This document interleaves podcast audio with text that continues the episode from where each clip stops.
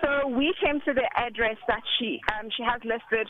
Um, she had listed on her website, um, her CIPC, and various other uh, business listings. So we we know for a fact that she works um, and lives at this address, um, and uh, the caretaker and the people here claim not to to know her.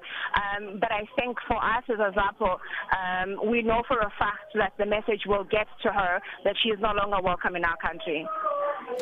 So, when you say she's no longer welcome in the country, uh, what is it that Azapo uh, wants to see happen? and above Belinda, uh, Belinda serving her sentence for inciting violence, um, for inciting a genocide against black people, um, for crimen injuria, we believe that um, after that, she has no place in this country. She clearly does not want to live amongst us. This is our land. We are the owners of the land. And if she feels that we are not good enough for her, she is welcome to leave.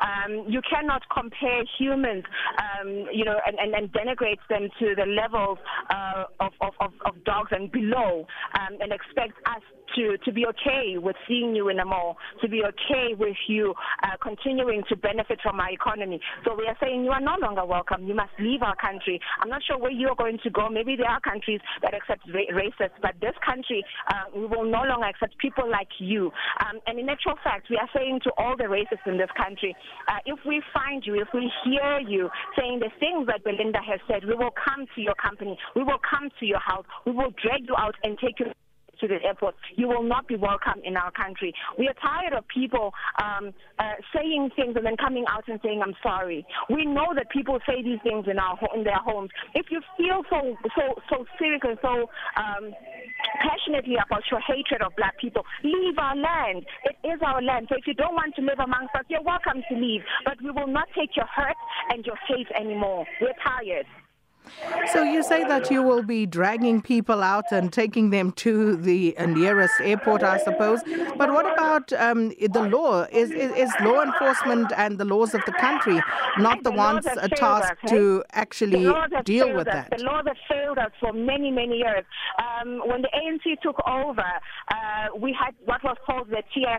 We had we had black people were forced to forgive people who never said that they were sorry. Um, and every single turn, you find racist people in this country, people who make us feel like we are subhuman, people who, um, you know, uh, strip on our dignity, people who spit on our faces. We will not tolerate that anymore. So the justice system continues to fail us because what do you do? You're going to throw them in jail and spend a lot more of our money on people who treat us in the manner that they do. No, thank you very much. They must leave our country. So, how long, uh, Kekileto, do you plan on being there outside uh, this place that you say is the home of Belinda Mega? We we were actually uh, so we were about to leave because uh, we believe that we have sent a message. Thank you very much for calling us, uh, and to the racists that are listening, we thank you. We know that you have heard us, um, and you shall be packing.